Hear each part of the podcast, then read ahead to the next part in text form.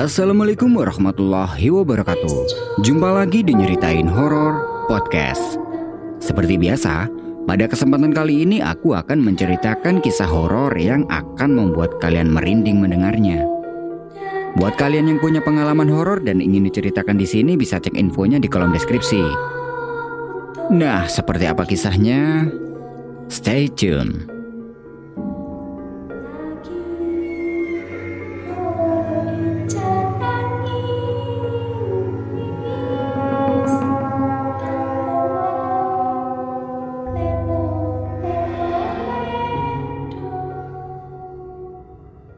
Cerita, waktu itu Abi diajak sama temannya pergi mendaki ke Gunung Merbabu. Karena beberapa bulan yang lalu, Abi sudah menyanggupi temannya itu untuk mengantarkan pergi mendaki ke Gunung Merbabu. Sebut saja temannya Abi itu adalah Budi. Kenapa Budi mengajak Abi? Karena dulu Abi sudah pernah mengajak Budi untuk mendaki ke gunung tersebut. Tapi Waktu itu Budi tidak bisa karena dia sedang ada pekerjaan yang memang tidak bisa ditinggalkan. Dan waktu itu, dia pernah bilang kalau nanti dia ada waktu senggang, dia mau minta pada Abi untuk mengantarkannya ke Gunung Merbabu. Dan Abi juga berjanji akan mengantarkan kapan pun Budi bisa. Nah, berhubung waktu itu Budi ada waktu senggang, makanya dia mengajak Abi untuk mengantarkan ke Gunung Merbabu. Tanpa keberatan, Abi bersedia mengantarkan. Di sisi lain, Abi juga sudah cukup lama tidak mendaki. Setelah cukup lama membahas rencana ini, mereka memutuskan untuk berangkat nanti hari Selasa, tiga hari ke depan. Budi bilang dia akan mengajak satu temannya dan dia juga meminta pada Abi agar mengajak teman juga, dengan tujuan agar nanti Abi tidak berkendara sendiri untuk urusan logistik dan biaya lainnya akan ditanggung oleh Budi. Budi juga meminta pada Abi untuk mempersiapkan peralatan untuknya dan Alif. Alif adalah teman yang akan diajak Budi. Abi menghubungi satu temannya yang sebut saja dia adalah Said. Dan tanpa keberatan Said juga mau ikut. Akhirnya deal. Budi mengajak satu temannya yang bernama Alif, sedangkan Abi bersama Said. Keesokan harinya, Abi mempersiapkan semua alat-alat pendakiannya bersama Said. Jadi mereka ini sudah punya peralatan lengkap miliknya sendiri, sisanya mereka nyewa untuk Budi dan Alif. Singkat cerita, tibalah hari Selasa. Pagi itu mereka berkumpul di rumahnya Budi untuk menata perlengkapan yang akan dibawa. Setelah semua peralatan sudah terbagi, mereka lekas berangkat dari tempat tinggalnya yang ada di daerah Wonosobo, kurang lebih sekitar pukul 9 pagi dengan mengendarai motor. Abi berboncengan dengan Said, sedangkan Budi berboncengan dengan Alif. Sesampainya di daerah Magelang, mereka berhenti di sebuah toko untuk membeli logistik yang dibutuhkan. Setelah itu mereka lanjut berkendara lagi menuju ke basecamp Gunung Merbabu via Swanting. Kenapa mereka memilih jalur via Swanting? Padahal kan banyak tuh jalur pendakian Gunung Merbabu. Karena Abi tahunya hanya jalur ini. Beberapa bulan yang lalu Abi mendakinya juga via jalur ini. Singkat cerita, sampailah mereka di base camp kurang lebih pukul 1 siang. Sesampai di situ mereka diminta untuk mengisi formulir pendakian oleh petugas yang sedang berjaga dan diberi selembar kertas yang bergambarkan peta untuk mencapai ke puncak. Setelah mengisi semua itu, mereka di briefing oleh salah satu petugas tentang jalur yang akan mereka lewati. Mulai dari jangan lupa ucapkan salam sebelum masuk hutan, Gunung Merbabu yang terkenal dengan lembah mandingnya, hingga jangan camp di sembarang tempat. Tempat ideal untuk ngecamp adalah di pos 3. Setelah selesai briefing, mereka melakukan pengecekan alat pendakian yang dilakukan oleh salah satu petugas base camp. Jadi kalau mau naik ke Gunung Merbabu via Swanting ini, diwajibkan membawa peralatan lengkap. Jadi kalau kurang lengkap, pihak base camp tidak mengizinkan pendaki untuk naik sebelum melengkapinya dulu. Ini semua dilakukan untuk keselamatan pendaki. Setelah dicek dan semuanya sudah lengkap, Abi bertanya pada petugas, apakah hari ini banyak yang mendaki. Menurut petugas tidak begitu banyak, hanya ada empat rombongan yang sudah naik tadi pagi. Kemudian mereka bergerak menuju ke pintu hutan. Karena jarak dari base camp menuju ke pintu hutan itu cukup jauh, mereka memutuskan untuk naik ojek. Ya hitung-hitung untuk menghemat tenaga. Lagi pula biaya ojeknya tidak begitu mahal, hanya Rp10.000. Sesampainya di pintu hutan, mereka berempat berdiri melingkar untuk berdoa agar diberi keselamatan hingga kembali turun nanti. Setelah selesai berdoa itu, mereka mulai bergerak memasuki hutan dan tidak lupa mengucapkan salam sesuai arahan dari petugas yang membriefing tadi. Pelan-pelan mereka berjalan dengan posisi Abi di paling depan dan Said di paling belakang. Setelah menempuh kurang lebih 30 menit perjalanan, sampailah mereka di pos 1. Di sini mereka berhenti sebentar untuk istirahat. Ketika sedang istirahat itu, Budi bertanya pada Abi, kira-kira perjalanan ini membutuhkan waktu berapa jam? Kalau menurut Abi dulu pas dia ke sini, ya kira-kira membutuhkan waktu 7-8 jam. Setelah cukup istirahat itu mereka kembali melanjutkan perjalanan. Jalur pendakian Gunung Merbabu via Swanting ini bisa dibilang masih cukup asri, hingga beberapa kali mereka menebas rumput yang menghalangi jalur pendakian. Seringkali mereka berhenti di beberapa titik untuk istirahat, di Lembah Gosong, Lembah Cemoro, dan Lembah Ngerijan. Setelah menempuh kurang lebih dua jam perjalanan, sampailah mereka di pos 2 kurang lebih pukul setengah lima sore. Di sini mereka putuskan untuk istirahat dan mengisi perut sekalian menunggu malam. Peralatan masak mereka keluarkan dan beberapa makanan untuk dimasak. Terlihat jalur pendakian Gunung Merbabu via Swanting ini cukup sepi. Tidak ada pendaki lain yang naik sama sekali. Ya wajar sih, karena mungkin pada tahun 2017 jalur ini masih terbilang baru. Apalagi Menurut petugas basecamp tadi hanya ada empat rombongan yang naik hari ini. Sambil menunggu masakan yang belum matang, mereka ngopi-ngopi dan menghabiskan beberapa batang rokok. Singkat cerita, masakan pun sudah matang. Ketika sedang asik makan, tiba-tiba ada satu orang pendaki cewek yang sedang berjalan naik. Melihat satu pendaki cewek itu spontan mereka semua terdiam. Karena Cewek ini terus berjalan melewati pos 2 sambil menunduk dan tanpa menyapa Abi dan rombongannya. Dia memakai kemeja kotak-kotak, mengenakan topi bulat, membawa tas semi carrier, dan tanpa menggunakan penerangan. Untuk wajahnya kurang jelas, karena pas dia berjalan sambil nunduk itu, wajahnya tertutupi rambut dan terlihat cukup menyeramkan. Oleh karena itu mereka semua hanya diam dan tidak ada yang berani menyapanya. Di sisi lain, hari itu juga sudah menjelang maghrib, jadi sudah cukup gelap. Setelah cewek itu berjalan meninggalkan pos 2, Budi membuka omongan. Eh, tadi siapa ya? Kok berani mendaki sendirian? Gak tahu Bud, orang daerah sini mungkin. Jawab Abi yang sudah berpikiran aneh-aneh. Seketika itu suasana menjadi mencekam.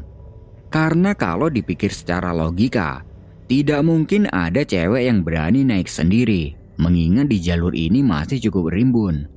Bahkan Abi sendiri yang cowok pun tidak berani kalau harus mendaki sendirian.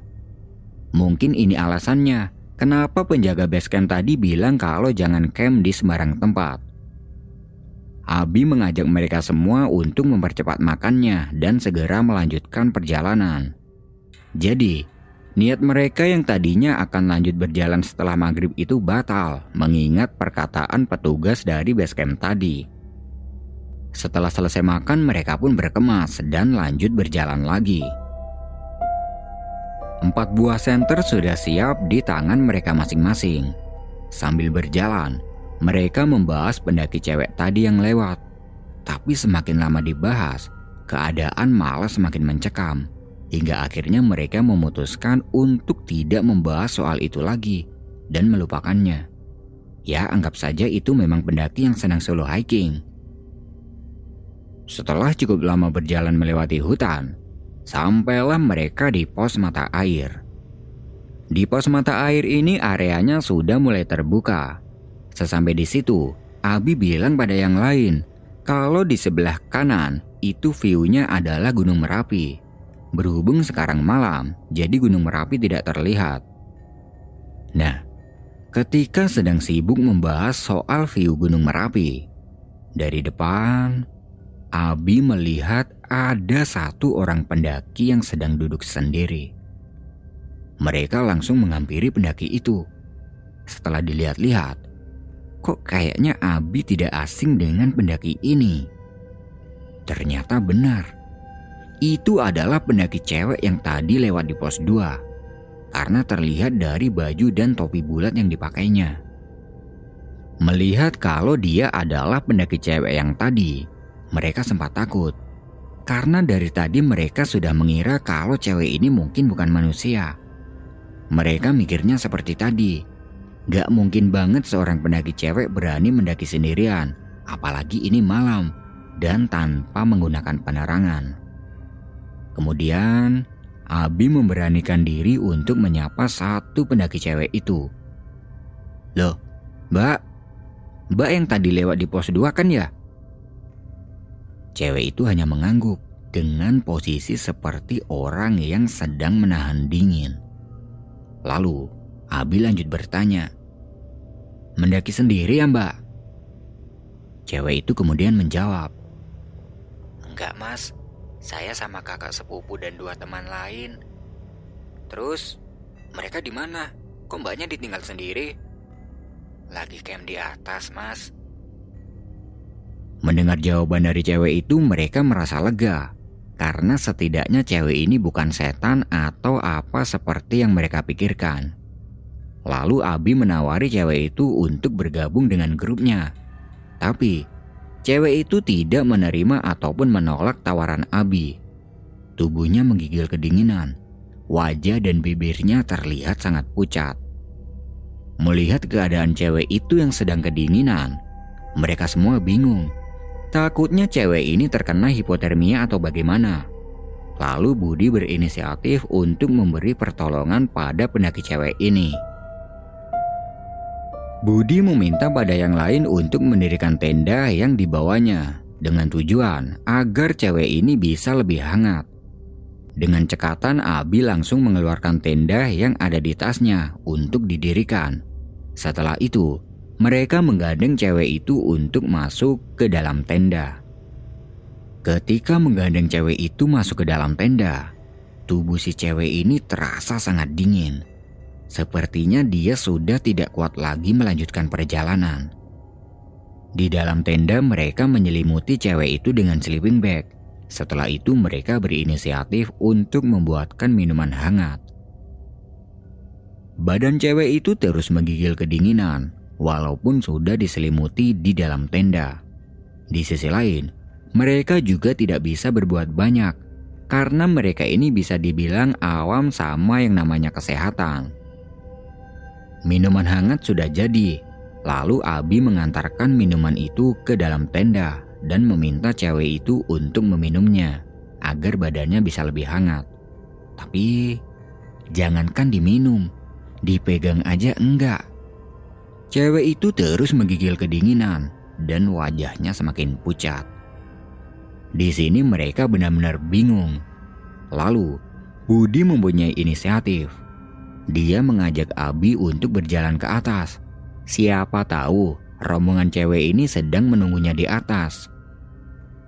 Budi dan Abi kemudian berjalan naik dan meminta Said dan Alif untuk menjaga cewek ini sampai mereka kembali. Mereka berdua berjalan sedikit cepat sambil ngedumel. Kakak macam apa ini? Tega ninggalin adiknya jalan sendirian. Terus berjalan. Tidak terasa mereka sampai di pos 3. Di situ, terlihat ada satu rombongan yang sedang ngecamp. Mereka pun langsung menghampiri rombongan itu, karena mungkin itu adalah rombongan dari pendaki cewek tadi. Setelah dihampiri, Abi bertanya pada salah satu orang dari rombongan itu. Mas, ada yang ngajakin adiknya nggak? Tanya Abi dengan panik. Rombongan itu terlihat bingung karena tidak mengerti apa yang dimaksud Abi. Lalu, Budi memberitahukannya secara detail. Gini mas, tadi di bawah ada cewek yang katanya sedang mendaki sama kakak sepupunya. Dia sekarang sedang sakit di pos mata air. Rombongan yang ada di situ menjawab kalau mereka tidak mengenal cewek yang dimaksud Budi itu. Mereka hanya mendaki empat orang, itu pun cowok semua. Lalu, salah satu dari rombongan itu bilang, Mungkin rombongannya ada di atas mas, lagi camp di Sabana. Mengingat jarak dari pos 3 ke Sabana ini cukup menguras tenaga, Abi mengajak Budi untuk kembali turun saja ke pos mata air. Di sisi lain, Sabananya itu cukup luas dan ada tiga sabana, sabana 1, sabana 2, dan sabana 3. Belum lagi kondisi mereka waktu itu juga sudah kecapean karena perjalanan dari pos mata air ke pos 3 ini cukup menguras tenaga. Akhirnya oke okay lah, mereka memutuskan untuk kembali turun ke pos mata air saja dan tidak lupa berpamitan dengan rombongan yang sedang camp itu. Sesampainya kembali di pos mata air, mereka bertanya keadaan cewek itu pada Alif dan Said. Gimana keadaannya? Masih menggigil? Tanya Abi. Udah mendingan, dia udah tidur. Jawab Said. Abi kemudian melihat ke dalam tenda, dan ternyata benar. Pendaki cewek itu sudah tidur pulas dan badannya tidak menggigil seperti sebelumnya. Malam itu mereka memutuskan untuk bermalam di pos mata air saja. Matras mereka beberkan di depan tenda untuk alas tidur. Jadi, malam itu mereka tidur tanpa tenda dan mengikhlaskan tendanya dipakai pendaki cewek itu. Keesokan harinya, mereka semua dibuat kaget karena pendaki cewek yang semalam tidur di tenda itu tiba-tiba tidak ada. Hanya tersisa sleeping bag yang semalam dipakainya. Entah dia sudah lanjut jalan atau bagaimana. Mereka saling bertanya satu sama lain, tapi tidak ada yang tahu. Di sini mereka merasakan ada yang aneh dengan pendaki cewek itu. Karena logikanya, kalaupun cewek itu lanjut jalan ke atas, harusnya dia pamitan sama mereka yang waktu itu masih tidur di depan tenda. Entah itu mengucapkan terima kasih atau bagaimana. Karena memang cewek itu sudah tidak ada, akhirnya ya sudah. Mereka menganggap mungkin memang si cewek tadi sudah jalan ke atas dan sengaja tidak pamit. Di sisi lain, waktu itu mereka juga sedang tidur lelap. Mereka memutuskan untuk tidak membahas soal itu lagi. Dan pagi itu, mereka membuat sarapan. Setelah itu mereka mengemasi tenda dan lanjut berjalan ke puncak. Di perjalanan menuju ke puncak, sesekali mereka membahas kejanggalan soal cewek itu. Karena sebelumnya mereka sudah menganggap kalau mungkin cewek itu bukan manusia. Singkat cerita, sampailah mereka di pos 3. Di situ terlihat ada satu tenda dari rombongan yang ditemui Abi dan Budi semalam, yang mungkin penghuninya sudah samit ke puncak, karena waktu itu tendanya terlihat sedang kosong. Tanpa berhenti di pos 3, mereka lanjut berjalan menuju ke puncak. Sesampainya di puncak Swanting, terlihat ada beberapa tenda yang sudah berdiri, tapi tidak ada penghuninya. Mungkin penghuninya sudah berada di puncak. Di puncak Swanting itu mereka berhenti sebentar untuk menikmati keindahan alam Gunung Merbabu yang luar biasa keren. Rumput-rumput hijau yang terbentang luas memaksa mereka untuk mengambil beberapa gambar. Setelah puas di puncak Swanting, perjalanan kembali dilanjutkan. Dan singkat cerita, sampailah mereka di puncak triangulasi Gunung Merbabu. Di puncak itu terlihat cukup banyak pendaki lain dan mereka merasa sangat senang karena bisa melihat pemandangan lautan di atas awan. Mereka berfoto-foto sepuasnya. Setelah itu mereka duduk di sebelah tugu puncak sambil membuat kopi. Ketika sedang membuat kopi, Mereka dihampiri oleh rombongan yang ditemui Abi dan Budi di pos 3 semalam. Mereka bertanya tentang keadaan cewek yang sedang sakit itu. Apa dia sudah bertemu dengan rombongannya? Mereka yang tadinya sudah melupakan tentang cewek tadi, sekarang jadi ingat. Budi berinisiatif untuk mencari cewek yang semalam itu di puncak. Tapi cewek itu tidak terlihat ada di puncak. Lalu, Budi berinisiatif untuk bertanya pada satu persatu rombongan pendaki yang ada di puncak. Apakah ada salah satu dari mereka yang semalam mengajak seorang cewek? Lalu, ada salah satu rombongan yang merespon. Dia bertanya tentang ciri-ciri cewek yang dimaksud Budi itu. Budi pun menjelaskan secara detail tentang ciri-ciri dari cewek itu. Dia memakai kemeja kotak-kotak dan memakai topi bulat. Mendengar penjelasan dari Budi, salah satu orang dari rombongan itu terlihat kaget. Lalu dia bertanya, "Mas, Mas ketemu cewek itu di mana?" Tanya salah satu pendaki itu. "Di pos mata air, Mas. Semalam dia kedinginan, terus kita diriin tenda di sana." Jawab Budi. Rombongan dari pendaki itu saling melihat satu sama lain. Sepertinya mereka sedang menyembunyikan sesuatu. Tanpa memberitahu apa pun, salah satu dari mereka mengajak Budi dan rombongannya untuk jalan turun bareng. Karena kebetulan, rombongan itu juga turunnya via jalur Swanting. Di perjalanan turun dari puncak, mereka berkenalan dan tanya tempat tinggal dengan rombongan itu. Mereka ada empat orang, sebut saja salah satunya adalah Irul. Abi bertanya pada Irul, Mas kenal dengan pendaki cewek itu. Emangnya sampean ketemu sama cewek itu di mana? Di pos mata air mas semalam.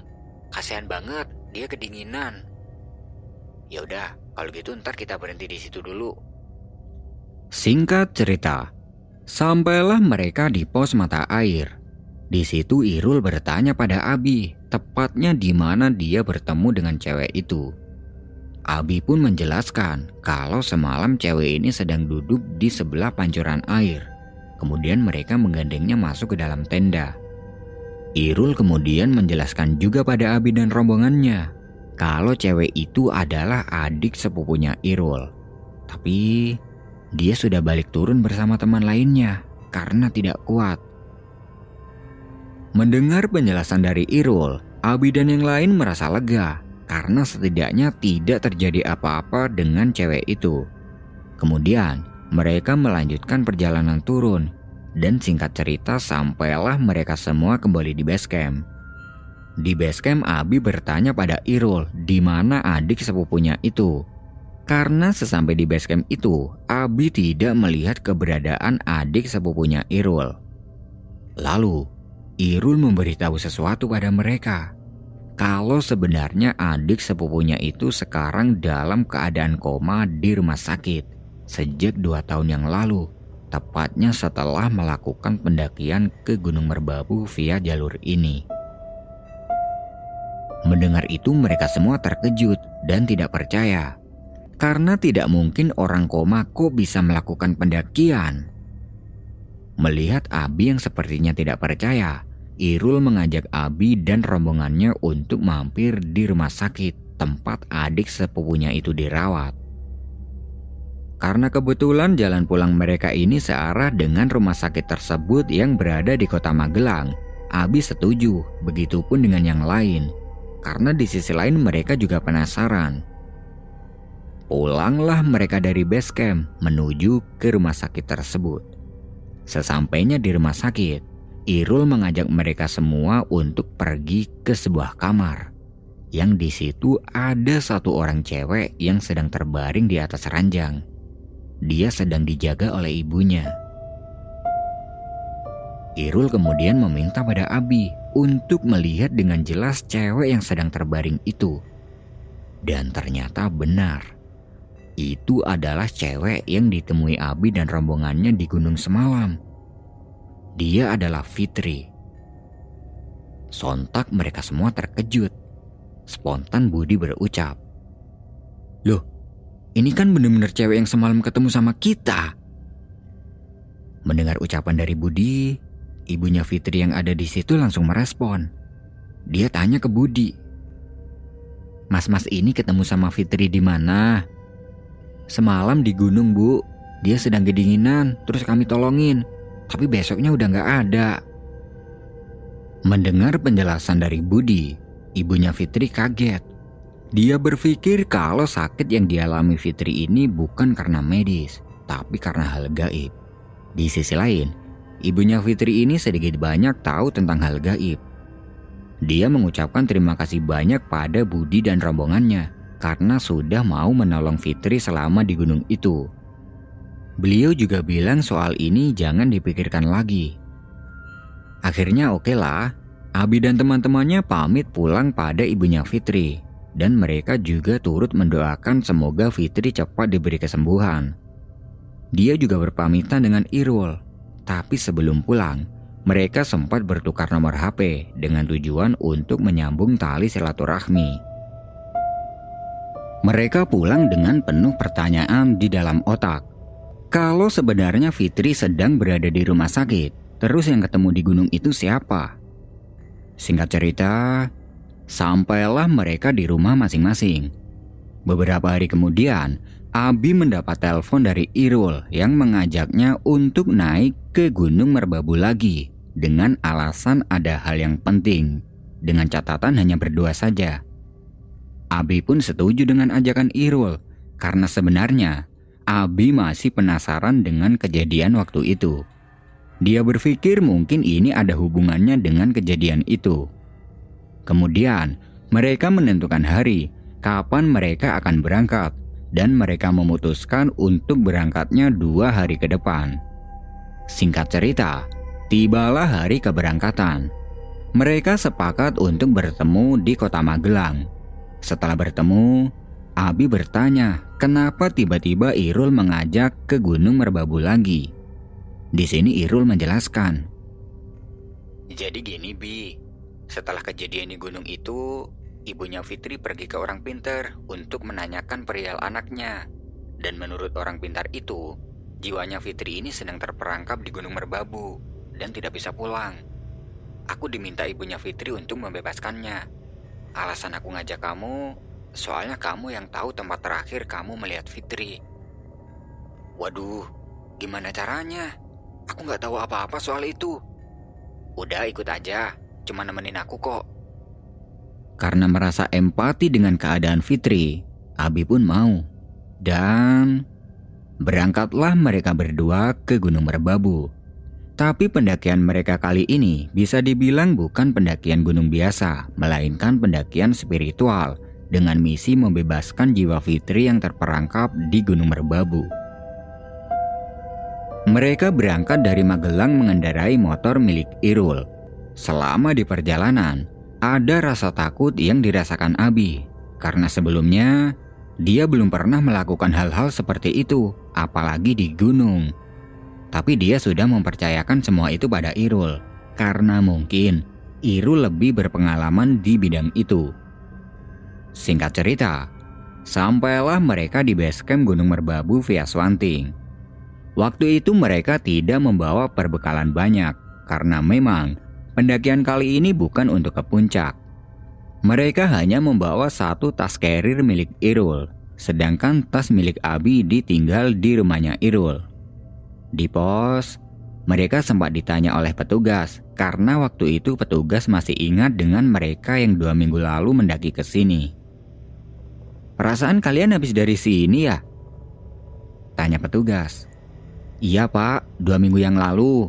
Ketagihan, makanya pengen naik lagi. Jawab Irul. Irul sengaja tidak memberitahukan tujuan mereka pada penjaga pos karena takutnya tidak boleh naik atau yang lain. Setelah menyelesaikan pendaftaran, mereka langsung memulai pendakian. Pendakian dimulai pukul 4 sore dari pintu hutan. Di awal-awal perjalanan masih belum ada yang aneh. Sesekali Abi bertanya pada Irul tentang tujuan pendakian ini. Dan Irul hanya menjawab, Udah tenang aja, nanti kita bakal dibantuin orang pintar yang aku ceritain tadi. Irul kemudian bertanya pada Abi tentang pengalamannya mendaki gunung selama ini, dengan tujuan agar Abi tidak memikirkan soal itu lagi. Abi pun menceritakan semua pengalamannya ketika mendaki, termasuk pendakian pertamanya ke gunung ini. Singkat cerita, sampailah mereka di pos 1. Di pos 1 ini entah kenapa Abi mempunyai firasat yang tidak enak seperti akan terjadi sesuatu pada dirinya. Tapi mengingat perkataan Irul tadi, dia berusaha untuk tenang dan menganggap mungkin itu hanya perasaannya saja. Di pos 1 mereka tidak lama, hanya sekedar minum untuk membasahi tenggorokan, kemudian lanjut berjalan menuju ke pos 2. Di perjalanan menuju ke pos 2, firasat tidak enak yang dirasakan Abi ini tiba-tiba semakin kuat. Sebenarnya, Abi tidak ingin memikirkan hal itu, tapi nggak tahu kenapa di dalam diri Abi ini ada rasa takut yang sebelumnya belum pernah dia rasakan. Sambil berjalan, Abi sangat gugup. Otaknya terus memaksa untuk memikirkan hal-hal yang negatif. Di tengah-tengah kegugupannya itu tiba-tiba Irul bertanya. Bi, kamu kenal sama yang namanya Tika nggak? Dia juga anak Wonosobo katanya. Enggak tuh, emangnya Wonosobo daerah mana? Kurang tahu sih, dulu aku pernah ketemu sama dia di Gunung Sindoro dan dia bilangnya anak Wonosobo. Waduh, kalau itu aku kurang tahu. Emangnya kenapa? Orangnya cantik loh, kirain kamu kenal.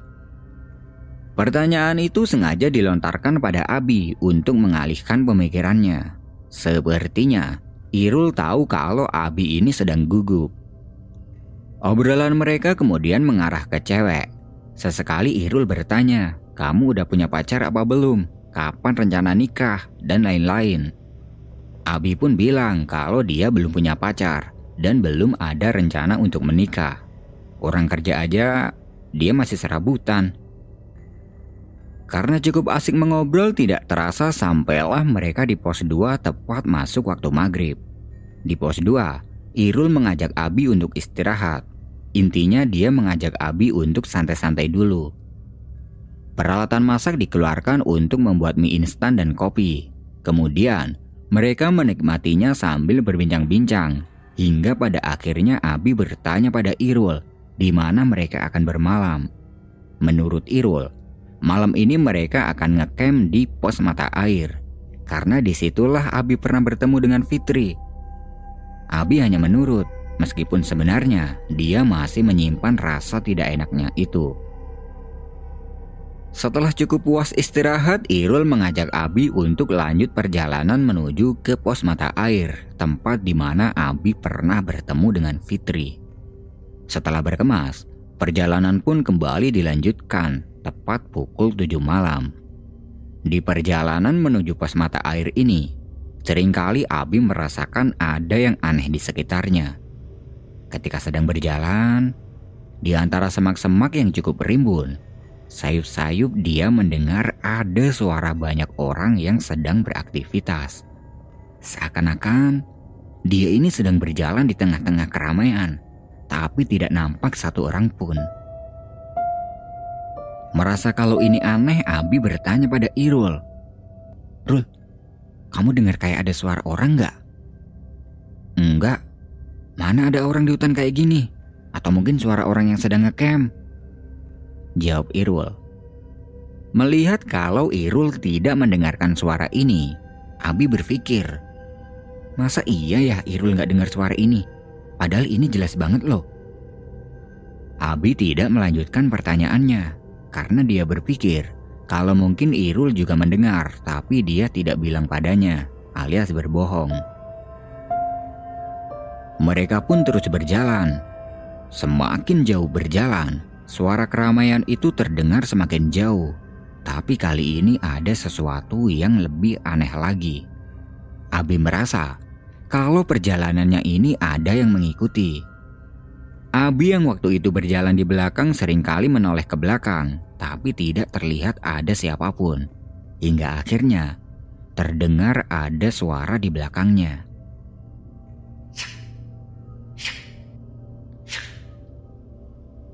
Seperti suara langkah kaki yang berjalan di semak-semak. Mendengar itu, spontan Abi langsung menoleh ke belakang untuk memastikan suara itu. Dan sekilas terlihat ada sekelebatan bayangan putih yang melintas di antara semak-semak. Abi menganggapnya ini wajar, mengingat pendakian mereka ini bukan pendakian biasa, melainkan pendakian spiritual. Karena takut, Abi meminta pada Irul untuk bertukar posisi, dan Irul pun tidak keberatan. Sekarang Abi di depan dan Irul di belakang. Tapi, sesekali Abi masih melihat sekelebatan bayangan putih itu di depan.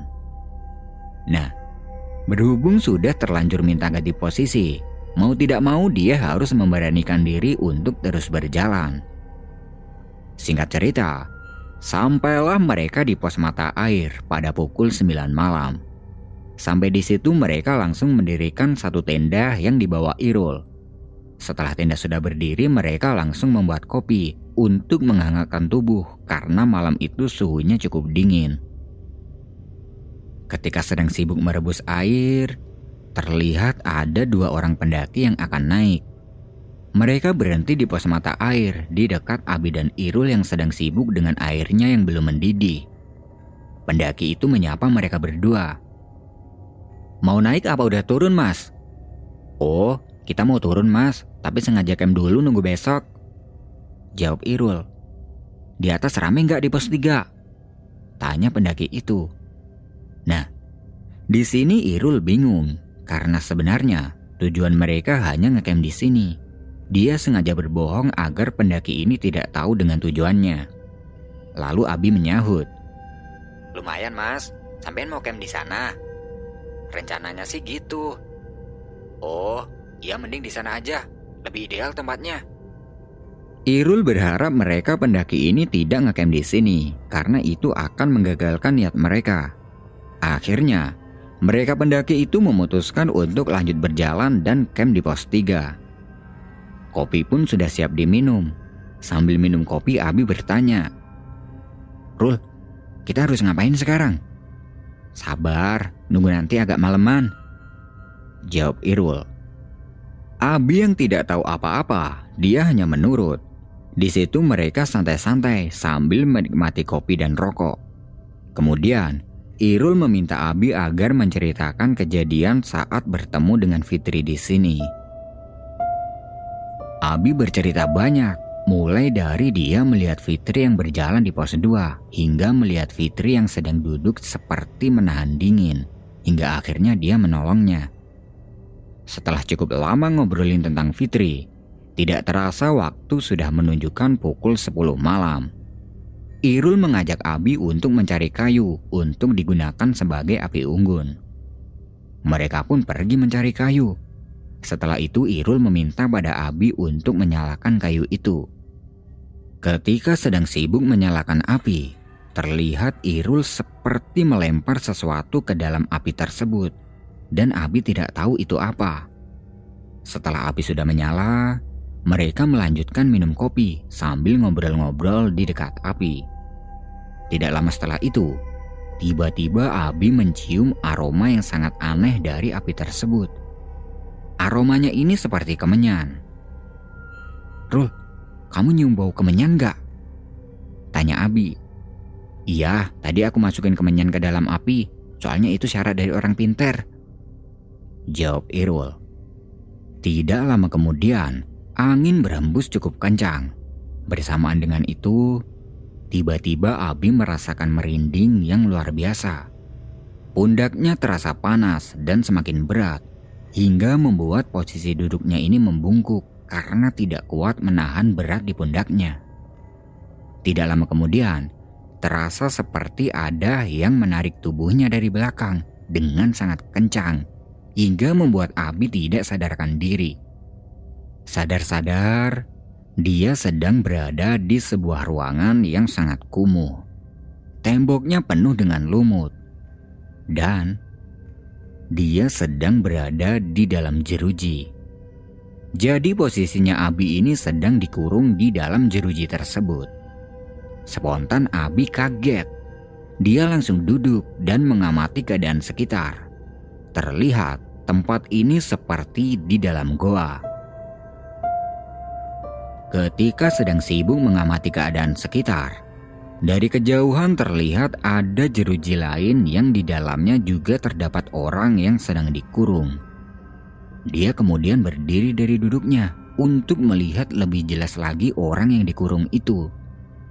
Dia cewek, sedang termenung, memakai baju kotak-kotak, dan mengenakan topi bulat.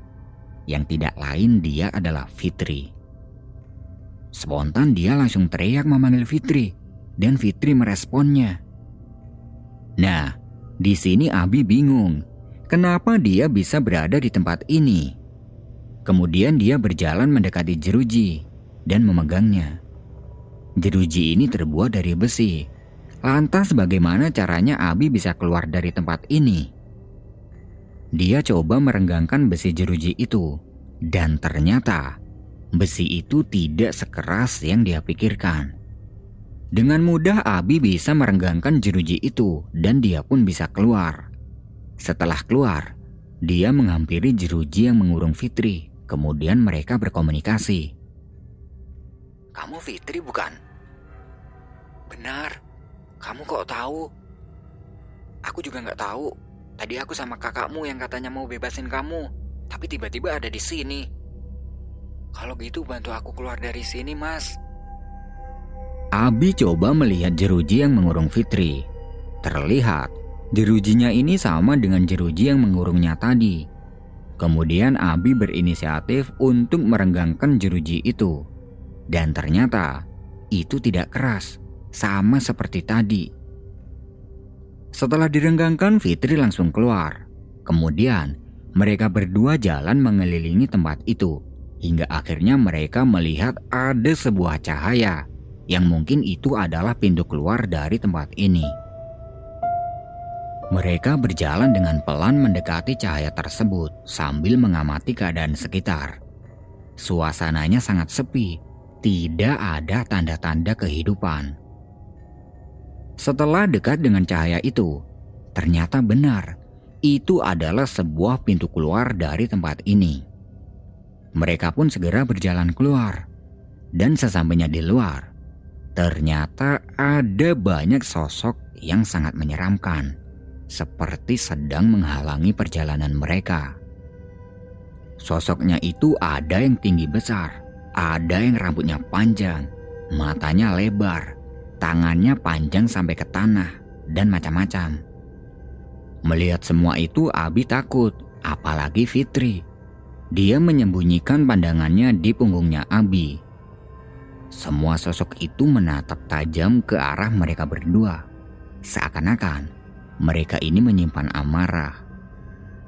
Tidak lama kemudian, Sebagian dari sosok itu berjalan mendekati Abi dan Fitri hingga membuat mereka berdua takut.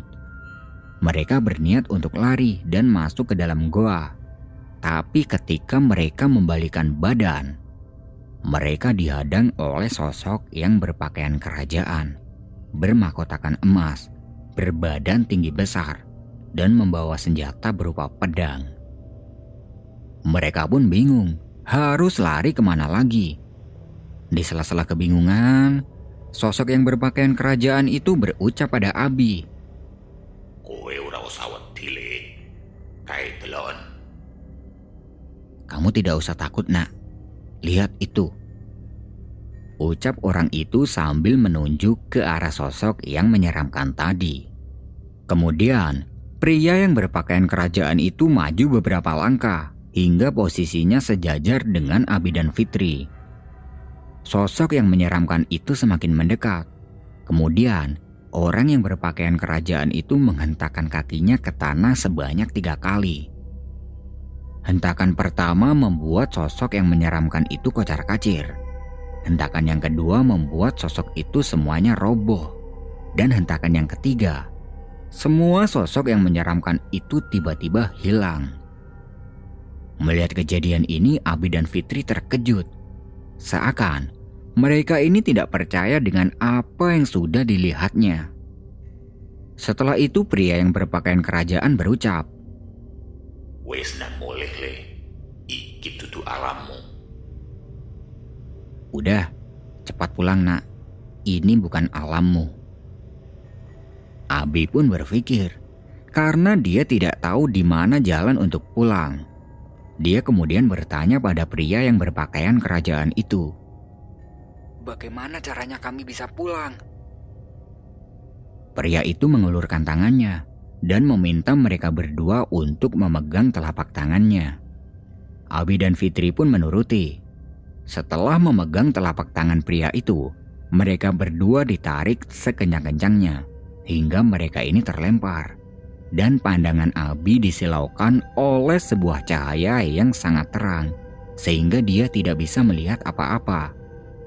Tidak lama kemudian, pandangan Abi menjadi gelap dan Abi melihat Irul sedang panik. Bi, Abi, kamu gak apa-apa? Tanya Irul yang sedang panik. Abi kemudian duduk dari tidurnya dan minta tolong pada Irul untuk mengambilkan air putih. Setelah minum beberapa teguk air, Abi mencoba mengingat kejadian yang tadi dialaminya. Kemudian dia menceritakan semua itu kepada Irul kalau tadi dia sempat terkurung di dalam jeruji dan bertemu dengan Fitri. Irul kemudian menggandeng Abi masuk ke dalam tenda agar Abi bisa beristirahat.